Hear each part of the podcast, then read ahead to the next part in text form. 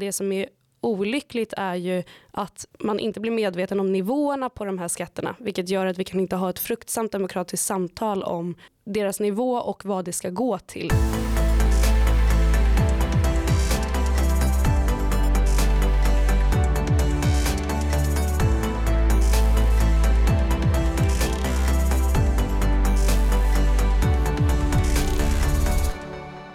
Lovisa Landryd är ekonom och arbetar som projektledare inom ekonomi vid tankesmittan Timbro. Där är hon aktuell med rapporten Skattehöjningarna du aldrig märker. Varmt välkommen till Skattebetalarnas podcast. Uppskattat Lovisa. Tack snälla. Trevligt att ha dig här. Du har ju skrivit den här rapporten som handlar om någonting som vi på Skattebetalarna är oerhört engagerade i, nämligen dolda skatter. Och för den som inte är bekant med begreppet dolda skatter, vad är det och vad menar du? Dolda skatter skulle man kunna säga är eh, de skatterna som du inte ser att du betalar. Eh, du ser det kanske på en liten, liten del av kvittot när du handlar att du betalar moms. Men det är väldigt få som vet om att momsen finns eller tänker på den i sin vardag som en just skattepost. Utan det är bara som en del av priset. Samma med din elräkning. Du betalar elräkningen men du tittar egentligen inte på att du betalar liksom skatt på skatten på elräkningen. Och många av de här skatterna som är dolda brukar man kalla för indirekta skatter. Det vill säga de tas inte ut liksom direkt utan de bakas in i ett pris och blir då helt enkelt svårare för medborgaren att upptäcka. Just det, så det som, man ser bara toppen på isberget. Exakt. I rapporten står det bland annat upp John Stuart Mills förutsägelser från 1800-talet om att den indirekta skattens andel av skatteuttaget kommer att öka. Eh, fick han rätt i den här förutsägelsen?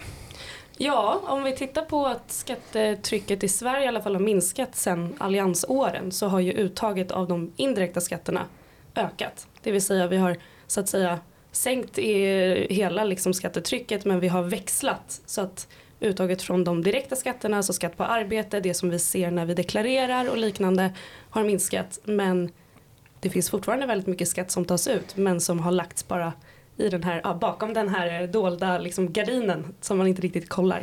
Just det, Nej, och det, de här dolda skatterna börjar med som arbetsgivaravgifterna och sånt där som, jag vet att du tar upp den allmänna löneavgiften, vi kommer in på den sen, men eh, när, på slutet av 60-talet när det börjar bli svårt att höja de synliga skatterna, då inför man då arbetsgivaravgifter, eh, omsen permanentas och blir moms och stiger ständigt och även under alliansåren så, så införde man den här allmänna löneavgiften som väl bara låg på en dryg procent procent i början och idag så är den på över 11 procent.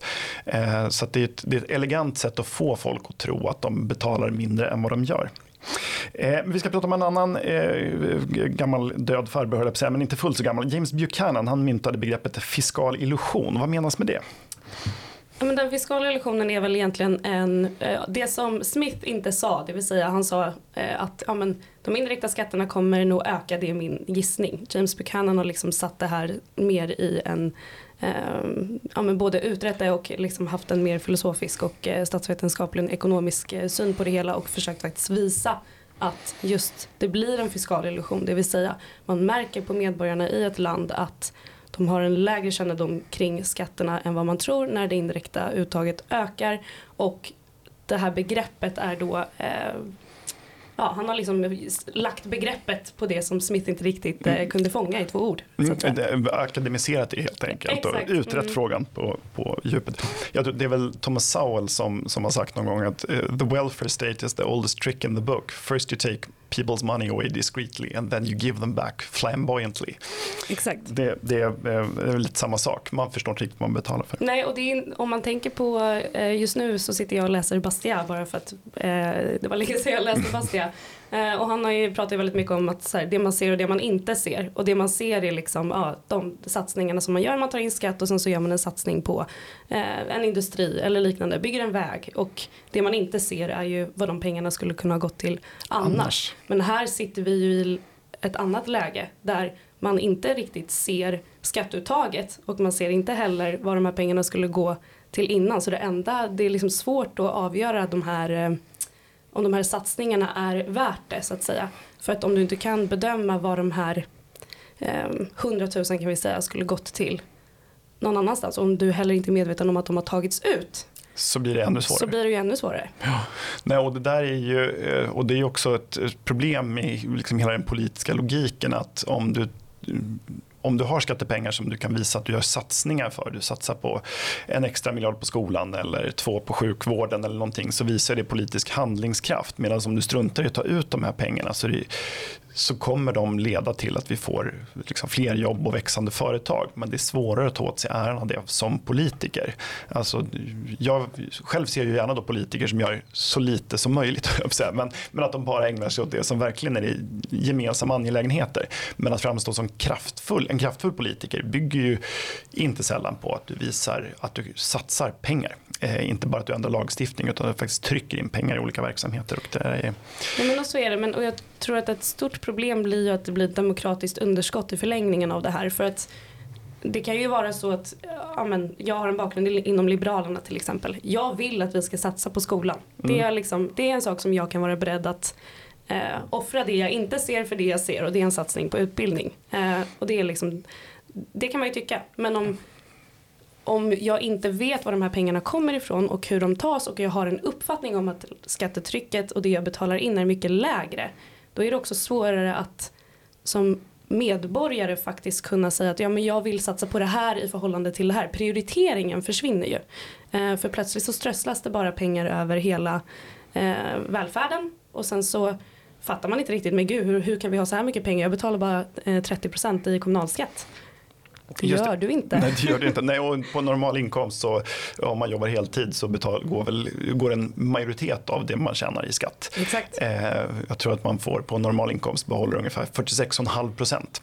Eh, och det är klart att om man inte ser det eftersom skatterna tas ut i så många olika led så verkar det här som en vinstaffär. Då tror man att det är någon Exakt. annan som betalar in pengarna men så så är det faktiskt inte. Nej. Eh, och då kommer vi ju in på begreppet skatteförvilling. Eh, eh, och, vad, vad är det för något? Alltså ett gott eller ett bra exempel på skatteförvilling är, vi kan ta den kommunala fastighetsavgiften. Så att eh, de borgerliga partierna gick till val på att, och framförallt Kristdemokraterna hade en stark kampanj om att vi skulle ta bort fastighetsskatten. Vilket Göran Persson på den tiden eh, hade stora problem med att, eh, att hantera. Eh, och sen så eh, drev man då en väldigt stark kampanj och när alliansen sen eh, tillträdde så var man ju tvungen att ta bort fastighetsskatten.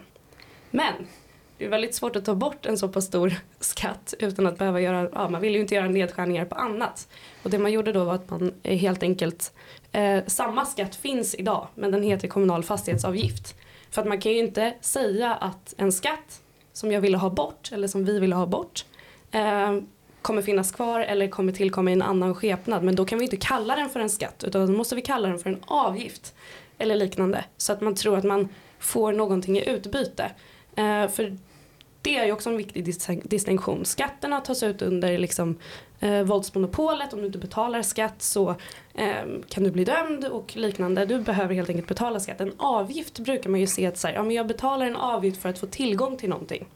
Det vill säga det ska ske liksom ett utbyte. Det tas inte under samma monopol. Men här gör det ju det. Och samma med eh, arbetsgivaravgifterna. Om du inte betalar arbetsgivaravgifterna rätt så kan du bli dömd för just skattebrott. Um, och då har man helt enkelt konstruerat till exempel i, den här, i det här fallet fastighetsavgiften. Um, den kommunala fastighetsavgiften eh, med ett namn som låter som en avgift men som egentligen innebär samma sak som fastighetsskatten. Eh, och det är en skatteförvirring. Då har du alltså medvetet valt, politiskt medvetet valt att benämna en skatt på ett annat sätt så att du missleder medborgarna kring att det faktiskt fortfarande är en skatt. Och det är ett exempel på skatteförvilling. Mm. Och det är ytterligt vanligt. Man skulle säga då när det här var ju valet 2006 eh, som Kristdemokraterna och vi kampanjade ju stenhårt för det här, inte minst med den här 22 augustirörelsen mot fastighetsskatten. Den fick yes. ju helt drakoniska konsekvenser. Och då får man säga att, tycker jag att dagens system är, förvisso är bättre, men det man gjorde då, dels den här fastighetsavgiften som har ett tak på knappt 9000 kronor nu, eh, den drar idag in mer pengar än vad den gamla fastighetsskatten gjorde. Och Exakt. samtidigt så höjde man ju då reavinstskatten vid försäljning. Så att det här har varit, när man pratar då om att, att det här skulle ha varit en sån liksom, nitlott för, för staten så är det ju faktiskt inte sant. Eh, utan här, staten drar in mer pengar än man gjorde på det gamla systemet. Eh, ja, men det är mycket bra. Vi har varit inne på det lite, men du tar tre exempel i rapporten på dolda skatter. Och det är stämpelskatt, elskatt och den allmänna löneavgiften. Eh, kan du berätta, vad är stämpelskatt, vad är det för någonting? Jo men när du köper ett hus eh, och lägger ett bud och vinner så är man ju såklart jättelycklig och tänker att okej okay, men jag har köpt ett hus för 5 miljoner. Jag har lånat 4 miljoner, jag har en miljon i kontantinsats säger vi. Jag vinner budgivningen på 5 miljoner eh, och då är det liksom signed seal delivered, nu kan jag flytta in. Och riktigt så enkelt är det inte utan när du har köpt huset så ska du också betala då stämpelskatt som väldigt väldigt få vet om. Eh, I rapporten så har vi gjort en undersökning och där ser vi att det är över alltså 60% av svenskarna inte vet vad det här är för skatt överhuvudtaget. Eh, och då ska man betala 1,5% på hela priset, det vill säga 5 miljoner, men också på det som kallas för inteckning, det vill säga de 4 miljonerna jag har lånat ska jag betala 2% på. Så stämpelskatten i det här fiktiva exemplet är alltså på 155 000 kronor. Och även om man till exempel då bor i Stockholm eller i en annan eh, större stad så vet vi att huspriserna är inte på 5 miljoner. Så att det vill säga stämpelskatten är en skatt som kan gå upp om du köper en, en dyr fastighet eller om du bor i ett eh, område med eh, eller en stad där helt enkelt priserna är högre. Då är, hamnar vi uppe på nästan miljoner kronor i stämpelskatt som bara tillkommer som en extra avgift. Och den har sin bakgrund i att man förr skulle gå till Lantmäteriet och få sina papper helt enkelt på lagfarten stämplad. Men vi har redan en egen avgift för Lantmäteriet idag som ligger på typ 800 kronor. Så det här är bara en restskatt som man har skruvat upp och skruvat upp på. Och eh, nu har man inte ändrat den sedan 80-talet och priserna har ju eh, ändrats Rakt. markant sedan dess. Så det är en ganska stor liksom, eh, käftsmäll. För. Det är svårt att se att, att eh, de här, på, på, i det exempel du tog, att de här 150 000 skulle vara liksom rimlig, en rimlig ersättning för den administration som det offentliga ska göra. Exakt. Eh, så det är ju märkligt. Och elskatten då, vi tar den, det är en av våra favoritskatter. Ja, och elskatten är ju rolig för att det eh, känns ju som att det har varit en dold skatt och det är också därför jag väljer att ha med den. När jag har fått frågor på rapporten så är det så här, men vadå, alla vet ju om elskatten. Ja, nu ja. Mm. Men inte tidigare, inte bara för några år sedan. Utan man har ju blivit eh, plågsamt medveten om elskatten just för att vi har eh, ja, lite av en energikris och vi har väldigt eh, höga elpriser.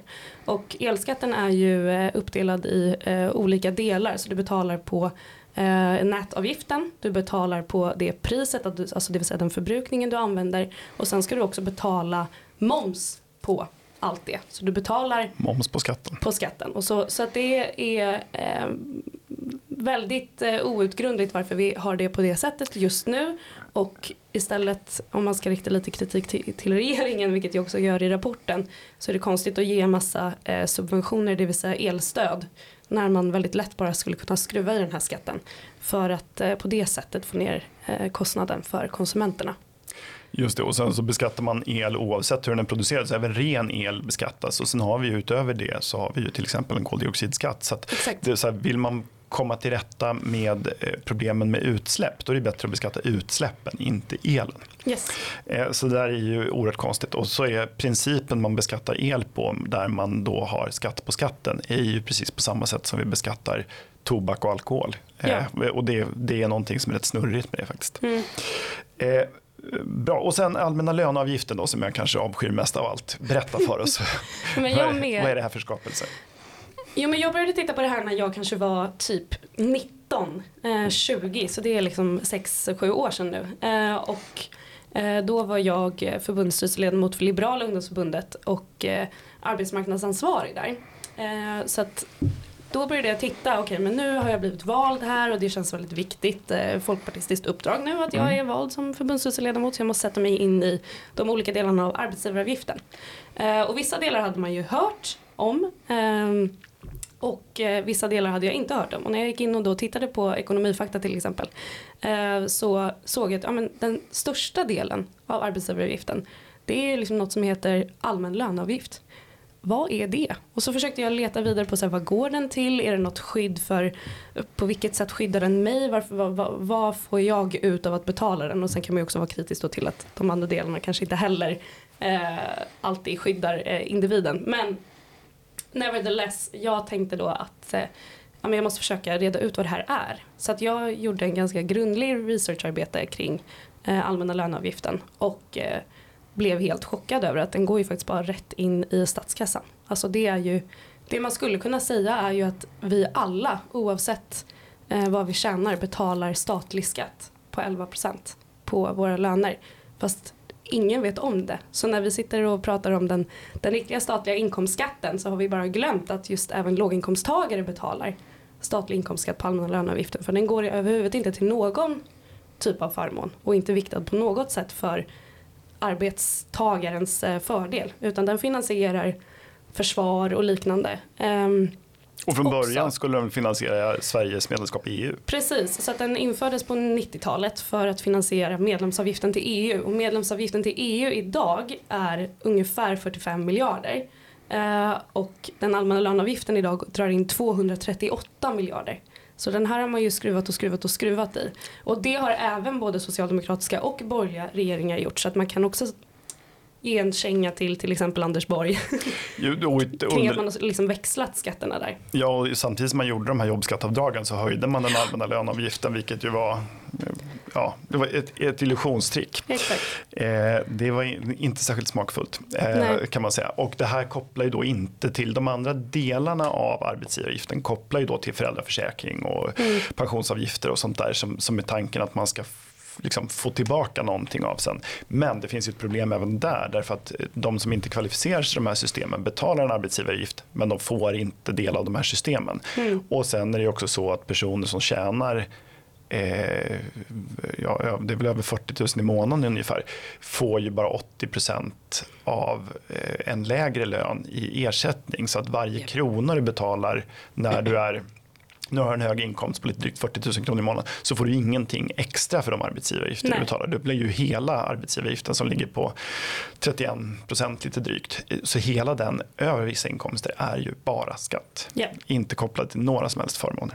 Eh, och även då för låginkomsttagare vilket det kanske är ännu mer provocerande. Eh, de här tre skatterna som vi nämnde, stämpelskatt, elskatt och allmänna löneavgiften, vad står de för i intäkter? Nästan uh, ungefär 300 miljarder. Eh, så så det är ju en ganska, eh, ja, om man ser till hela statsbudgeten, inte liksom en eh, jättestor del för den är ju enorm, men om man bara tänker i numerärer, alltså 300 miljarder, det är mycket pengar. så att på det sättet så tycker jag kanske att det här är, ja, de siffrorna som, som vi har i rapporten när vi har frågat huruvida man känner till till exempel allmänna löneavgiften, 45% känner inte ens till den och den står för så, eh, alltså 238 miljarder. Det är ju ganska sorgligt skulle jag säga att vi har så låg kännedom kring vad vi betalar. Och det är ännu färre som känner till stämpelskatten. Det är bara 60 procent som, ja. som inte har kännedom om den. Så, och det här är ju ett, ett problem. Men och sen tycker jag ett, ett annat problem det är att man inte Dels att man inte känner till skatterna men det blir också svårt att veta vad man får för pengarna. Om man ska fatta ett, ett medvetet beslut som eh, då väljare så är det ju svårt om man, man ser vad man får för pengarna kanske i infrastruktur och skola och försvar och polis och sådär men du ser inte vad du betalar. Så det här är ju här, hade vi en vettig konsumentombudsman borde de nästan titta på det här för det känns mm. ju faktiskt som, som lur. Mm. Eh, hur ska man då ändra det här för att eh, liksom öka kännedomen och, och kanske till och med öka transparensen? Alltså för det första så, det jag skulle vilja att politikerna gjorde är att göra en hel renovering av hela skattesystemet. För att nu är det som ett lapptäcke, senast vi gjorde en, en hel skattereform är på 90-talet. Eh, och vi skulle behöva göra en ny och när vi har eh, PVC till exempel har frågat alla partier om man skulle är för att göra en bred skattereform för att öka transparensen eh, så är nästan alla partier för det, även till exempel Socialdemokraterna och ändå händer ingenting. Och det som är dåligt med det här är ju också att det sys till nya lappar till det här lapptäcket och till slut har politikerna själva ingen aning om hur skattesystemet ser ut. Så det första jag hade velat att man skulle göra är att göra en bred skattereform. Det finns inte med i tidavtalet eh, så det kommer ju inte hända inom kort tid förhoppningsvis kanske inom en tioårsperiod men det är ju ja, väldigt skönt för politikerna antar jag att ha systemet vi har idag med så mycket indirekta skatter. Eh, det skulle jag säga är det första men det man kan göra vad gäller de här tre skatterna är ju Eh, delvis tycker jag att ta bort elskatten. Eh, för den är ju helt onödig. Ju mer vi går eh, mot en eh, fossilfri elproduktion, förhoppningsvis även med lite ny kärnkraft eh, eh, inom liksom eh, en 20-årsperiod, eh, desto mer konstigt är det ju att beskatta energin. Vi har också liksom en nästan 90-procentig fossilfri elproduktion i Sverige. Ehm, så att man skulle ju börja med att ta bort den skulle jag säga och om man inte vill ta bort den och tycker att det är ett för stort ingrepp så borde man ju absolut börja vikta den så att man betalar mer skatt på eh, icke fossilfri eh, elproduktion. Ehm, eh, men, och vad gäller stämpelskatten tycker jag också att det bara känns som en, en stor straffskatt. Det gör ju också att det eh, är, det är också konstigt för bor du i ett hus till exempel i 30 år och slår ut stämpelskatten så blir ju den mindre och mindre för varje år som du bor längre och längre i ditt hus. Yep. Eh, medan om du vill flytta ofta eller liknande så är ju Ehm, är ju skatten så att säga högre per år. Eller man ska säga. Mm. Du, du ökar transaktionskostnaden Exakt. Mm. Uh, och det gör ju också, det plus reavinstskatten gör ju att uh, flyttarna som skulle behöva eh, bli av i det här landet. Vi har väldigt många pensionärer som bor i jättestora villor och väldigt många barnfamiljer som eh, trängs i mindre lägenheter. Eh, det hade behövt ske en förändring där så jag föreslår att man tar bort stämpelskatten. Ehm, helt enkelt. Ehm, och allmänna löneavgiften, ja alltså jag förstår problematiken med att man skulle tvinga alla arbetsgivare att eh, redovisa eh, Eh, alla arbetsgivaravgifter på lönespecifikationen eller att det skulle synliggöras tidigare i deklarationen. Jag tycker dock att om man kan som privat eh, näringsidkare eller som privat företag eh, göra det så borde man göra det. Men framförallt borde det absolut vara obligatoriskt för den offentliga sektorn. Så att man åtminstone vid ett tillfälle eller vid varje månad om man tittar på sin lönespecifikation ser Eh, hur mycket pengar som faktiskt går till de olika delarna av arbetsgivaravgifter och inte bara arbetsgivaravgifter som klumpsumma. Eh, bara för att folk ska veta hur många olika delar som finns och se att just allmänna löneavgiften tar den största delen. Och jag skulle ju gärna gå egentligen ett steg längre. Jag tycker att man borde överföra inte bara den allmänna löneavgiften, garanterat den, men jag tycker man borde överföra hela arbetsgivaravgiften till lön. Mm. Det vill säga ge svenska folket, alla som jobbar får ett lönelyft brutto på 31,42 procent och netto noll. Eh, ja. Det vill säga du ser hur mycket du... För de här arbetsgivaravgifterna inklusive den allmänna löneavgiften måste ju den anställda jobba in. Annars så, så här, är du inte produktiv nog för, för hela din lönekostnad så kan en arbetsgivare inte ha kvar dig på sikt. Eh, och då tycker jag att det vore tydligt att visa hur mycket måste du jobba in för att, för att vi ska råda att anställa dig. Så det borde man se och sen borde det offentliga vara tydliga nog och säga det här, vi lägger beslag på så här mycket pengar. Exakt. Och det tycker jag, det är framför allt eh, tidigare när man har diskuterat den här frågan för det som hände när, då när jag var förbundsstyrelseledamot för att jag motionerade om det här till då Liberalernas landsmöte. Och då motionerade jag inte om ditt förslag utan om bara förslaget att synliggöra det här på, på lönespecen. Eh, och eh, det gick kan man säga halvt igenom men mycket eh, av motståndet är till exempel att det skulle vara svårt för mindre företagare att, eh, alltså bli en administrativ kostnad. Eh, med de lönesystemen vi har idag skulle ju det vara, eh, alltså det är en låg kostnad. Vi, vi skulle lätt kunna lägga till det här i de lönesystemen man använder. Men det är också ett större problem för mindre företag. För att du kanske är, låt säga att du är tre personer i ett bolag, du har eh, två anställda eller du har tre anställda. Eh, och eh, varje gång man pratar om en till exempel löner, i en lönerevidering om att höja lönen så behöver man ju lägga till kostnaden för ökade arbetsgivaravgifter. Så att när Får... vi sitter och pratar om 500 kronor kanske du och jag, låt säga att du är min chef och mm. sådär. Så kommer vi, eh, kommer ju kostnaden, jag kommer uppleva de här 500 kronorna i löneökning. Men du kommer ju uppleva en betydligt högre kostnad som man måste betala i arbetsgivaravgifter. Och den kostnaden borde ju, för transparensens skull, jag kan, jag kan hålla med dig om det, den borde ju ligga på eh, arbetstagaren så att man ser att yeah. det är så här mycket som försvinner. Det hade ju också underlättat för löneförhandlingarna tror jag. Ja, och, ja verkligen. Eh, nej, som sagt, och ska en anställd få 1000 kronor mer i månaden eh, av sin arbetsgivare eh, och känner man då över brytpunkten så får man bara behålla hälften av dem. Men så kostar det arbetsgivaren ytterligare då lite drygt 300 kronor. Mm. Eh, och det eh, ser man ju då inte som anställd. Liksom. Och framförallt, jag har jobbat som konsult i, i många år och då ser man ju hur mycket pengar man kan fakturera och dra in och sådär. Jag har haft många, många medarbetare jag har pratat med som tycker att det är obegripligt. De har dragit in så himla mycket pengar och de förstår att de ska betala för lokalkostnader och sånt där men de förstår inte riktigt varför de inte kan få högre lön. Då får man förklara att det är en massa andra kostnader som ligger här också som du aldrig, som du aldrig ser. Eh, men framförallt så är det ju faktiskt ett demokratiskt problem om man inte ser vad, vad man betalar.